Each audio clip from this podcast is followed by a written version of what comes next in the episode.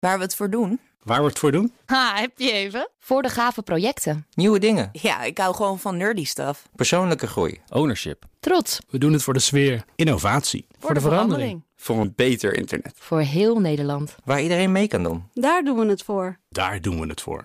Waar doe jij het voor? Kom werken voor KPN en groei op jouw manier. Check de actuele vacatures op het gebied van data, security, development en networking op jobs.kpn.com/tech. Wetenschap vandaag. Onderzoekers hebben een bijzondere microfossiel gevonden. Het eh, bevat mogelijk een belangrijke missing link in de evolutie van dieren. Ja, wetenschapsredacteur Carlijn Meiners kan hier meer over vertellen. En dan zou het zo makkelijk zijn om hier een grapje te maken. Dat zou zeker. dat ga jij natuurlijk niet doen. Maar dat ga ik niet doen. Nee. Ehm, het gaat om een fossiel van een organisme. Een fossiel van een miljard jaar oud. Die uiterst goed bewaard is gebleven. En uit Loch Torridon komt een zoetwatermeer in de Schotse hooglanden. Maar wat is er nou zo bijzonder aan die vondst? Behalve dat die dus heel, heel, oud, is. Ja, ja, het organisme dat ze hebben gevonden heeft multicellulaire eigenschappen. Eigenschappen waarvan tot nu werd gedacht dat ze pas 400 miljoen jaar later tevoorschijn kwamen. Oké, en wat betekent dat? Ja, eigenlijk dat het een organisme is met meerdere celtypen. Ja. En daarmee zit het een beetje tussen eencellige en de eerste complexere dieren in. Ah.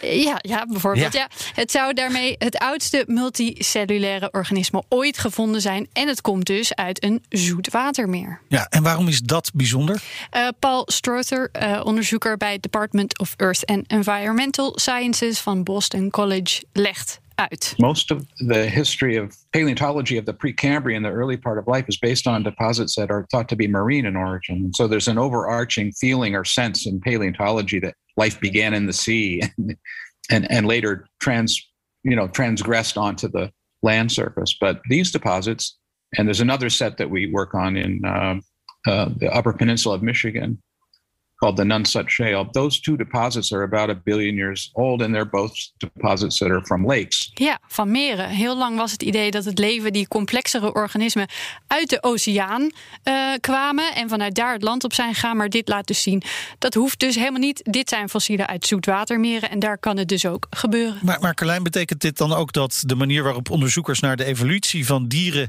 eh, moeten kijken ook gaat veranderen? Ja, mogelijk wel. Eh, Het werd al ergens de missing link genoemd in eh, dierenevolutie. Strother eh, spreekt liever van één van de ontbrekende schakels.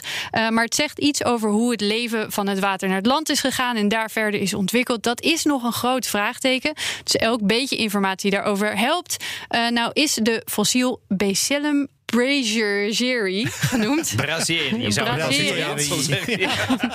vernoemd naar Martin Brazier. Al vanaf het begin betrokken bij het onderzoek, want dit onderzoek is al eh, een tijdje onderweg. Want, want hoe lang geleden zijn ze begonnen? Vroeg in de jaren 2000. eh, deze fossielen waren ook al een tijdje teruggevonden, maar oorspronkelijk werd er alleen gekeken naar de geologische waarde van deze rotsen. Later pas zijn eh, zowel Brazier als Strother gaan kijken naar wat er nou in die fossielen zat. Ze deden dat elk aan een andere universiteit. Uiteindelijk zijn ze samen gaan werken. En wat is nou het tragische? Brazier is in 2014 omgekomen in een auto-ongeluk. Iemand in slaap gevallen achter het stuur heeft hem en zijn vrouw aangereden. Dus hij heeft dit allemaal niet meer mee kunnen maken. Vandaar dat de fossiel ook naar hem vernoemd is. Eh, het was een enorm toegewijd man, vertelde Strother. I was visiting his home. This was the 2012 story, and um, you know we'd been up. You know, I probably went to bed at like midnight or something after drinking some wine and all this and this. And I woke up the next morning, and he. That's when he came down with this notebook full of drawings, and he had been he had actually been stayed up like half the night, uh, sort of like reviewing our discussions that we had been having. En, en die Strother, die gaat hier wel mee verder, neem ik aan? Zeker, ja, er is nog genoeg te onderzoeken. Hij zei ook dat de ontdekkingen naar dit soort organismen pas nu een beetje op gang beginnen te komen.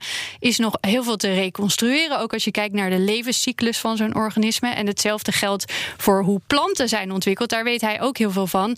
Eh, daar is ook eenzelfde overgang geweest. En dus eh, gaan we het hier nog wel vaker over hebben in de toekomst. Wat mij nou een beetje bezighoudt, Carlijn, is... het- het- dit is dus zoet water, een meer.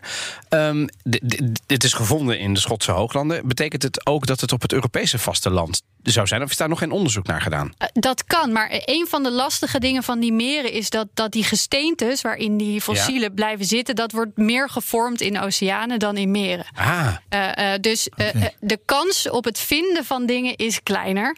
ja. Ehm, maar dat er nog een heleboel dingen onontdekt zijn, dat, dat is wel zeker. Zegt wetenschapsredacteur Carlijn Meinders. Ook Thomas van Zeil vind je in de BNR-app. Je kunt live naar mij luisteren in Zaken doen. De BNR-app met breaking news. Het laatste zakelijke nieuws. En je vindt er alle BNR-podcasts. Bijvoorbeeld Het Nieuwe Geld. Download nu de gratis BNR-app en blijf scherp.